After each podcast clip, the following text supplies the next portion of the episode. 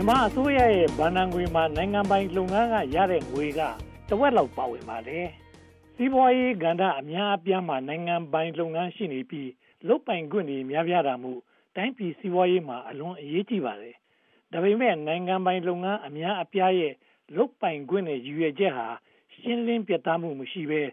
လုပ်ပုံကင်ပုံဟာလည်းနိုင်ငံတကာမှာသုံးနေတဲ့စံနှုန်းတဲ့နှိမ့်ကျနေတယ်လို့ဆိုပါတယ်။ Natural Resource Governance Institute နဲ့ Renaissance Institute ကပညာရှင်တွေဖြစ်တဲ့ Andrew Bower, Aka Heng, Kin Saw The, Matthew Hamilton နဲ့ Paul Shortell တို့ရေးသားပြုစုပြီးမကြာမီကထုတ်ပြန်တဲ့နိုင်ငံပိုင်လုပ်ငန်းများပြုပြင်ပြောင်းလဲရေးစာတမ်းမှာဖော်ပြထားတာပါပဲ။နိုင်ငံပိုင်လုပ်ငန်းကိုကော်ပိုရေးရှင်းသို့မဟုတ်ပုဂ္ဂလိကပိုင်လုပ်ဖို့စစ်အစိုးရခေတ်၁၉၉၀ပြည့်လွန်နှစ်တွေမှာရည်ရွယ်ခဲ့ပြီးလွတ်လပ်စွာလုပ်ပိုင်ခွင့်ပေးခဲ့ပါတယ်။ အရှုံးပေါ်တဲ့နိုင်ငံပိုင်လုပ်ငန်းအများအပြားကိုပုဂ္ဂလိကပိုင်လုပ်လိုက်တဲ့အတွက်အစိုးရအတွက်ဘဏ္ဍာရေးဝန်ထုပ်ဝန်ပိုးလျော့ကျသွားပါတယ်။အမြတ်ရတာရှိသလိုအရှုံးပေါ်တာလည်းရှိပါတယ်။ကုန်ကျစရိတ်များပြီးကောင်းစွာမလည်ပတ်နိုင်လို့ထုတ်လုပ်မှုနဲ့ဝင်ငွေတိုးတက်မှုဘက်မှာအားနည်းတာလည်းရှိပါတယ်။ဥပမာမြန်မာ့ရေနံနဲ့သဘာဝဓါတ်ငွေ့လုပ်ငန်းဟာအကျိုးတူကမ်းလွန်လုပ်ကွက်တွေကိုရာခိုင်နှုန်းကနေ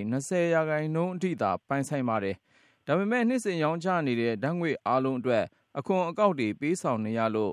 မြန်မာ့ရေနံနဲ့ ဓါတ်ငွေ့လုပ်ငန်းရဲ့ ကုန်ကျစရိတ်ဟာ ပေးသင့်ပေးထိုက်တာထက် ပိုများနေပါတယ်။အကျိုးတူလုပ်ကိုင်နေတဲ့ နိုင်ငံခြားကုမ္ပဏီတွေအတွက်ပါ မြန်မာက အခွန်ဆောင်နေတဲ့သဘောပါပဲ။ဓါတ်ငွေ့ပိုက်လိုင်း အစုစပ်လုပ်ငန်းမှာလည်း ဒီပုံစံအတိုင်းပါပဲ။၂၀၁၂ မတိုင်မီက နိုင်ငံပိုင်လုပ်ငန်းတွေဟာ သူတို့ရတဲ့ အမြတ်ငွေအားလုံး စီမံကိန်းနဲ့ ဘဏ္ဍာရေးဌာနကို ပေးသွင်းရမှာ ဖြစ်ပေမယ့် အပြည့်အဝပေးသွင်းတာမျိုး မရှိခဲ့ဘူးလို့ ဆိုပါတယ်။နိုင်ငံပိုင်လုပ်ငန်းက များများရပြီး နည်းနည်းပေးတာကို စစ်အစိုးရခေတ်က လက်ခံတဲ့သဘော ဖြစ်ပါတယ်။စစ်အစိုးရခေတ်က ကြီးကြပ်မှု အားနည်းတာကြောင့် နိုင်ငံပိုင်လုပ်ငန်း ပေးသွင်းတဲ့ အခွန်ငွေဟာ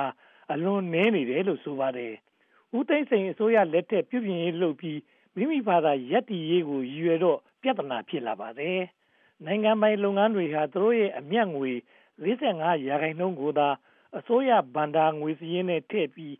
ရာခိုင်နှုန်းကို အခြားစာရင်းများ Other Account သို့မဟုတ်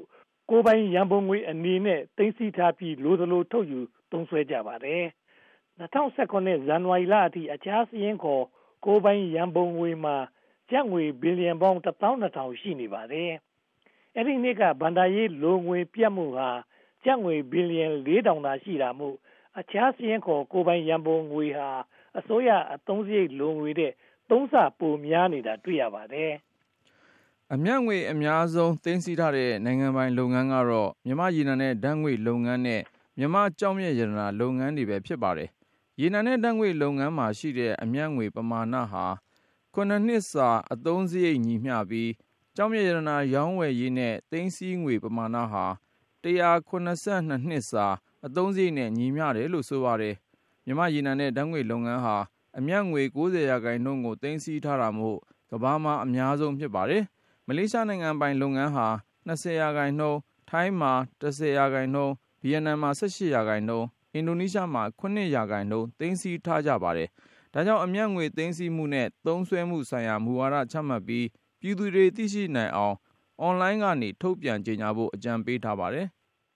ရေနံဓါတ်ငွေ့နဲ့ကျောက်မျက်လုပ်ငန်းကသိမ်းဆည်းထားတဲ့ကိုယ်ပိုင်ရန်ပုံငွေကိုအကျိုးရှိအောင်ခွဲဝေမယ်ဆိုရင်ကျပ်ငွေထရီလီယံနီးပါး(သို့မဟုတ်)ကျပ်ငွေသန်းပေါင်းသန်းနီးပါးထွက်လာလိမ့်မယ်လို့ခန့်မှန်းထားပါတယ်။ဒီလိုခွဲဝေသုံးစွဲလိုက်ပေမယ့်ရေနံဓါတ်ငွေ့နဲ့ကျောက်မျက်လုပ်ငန်းတွေဟာ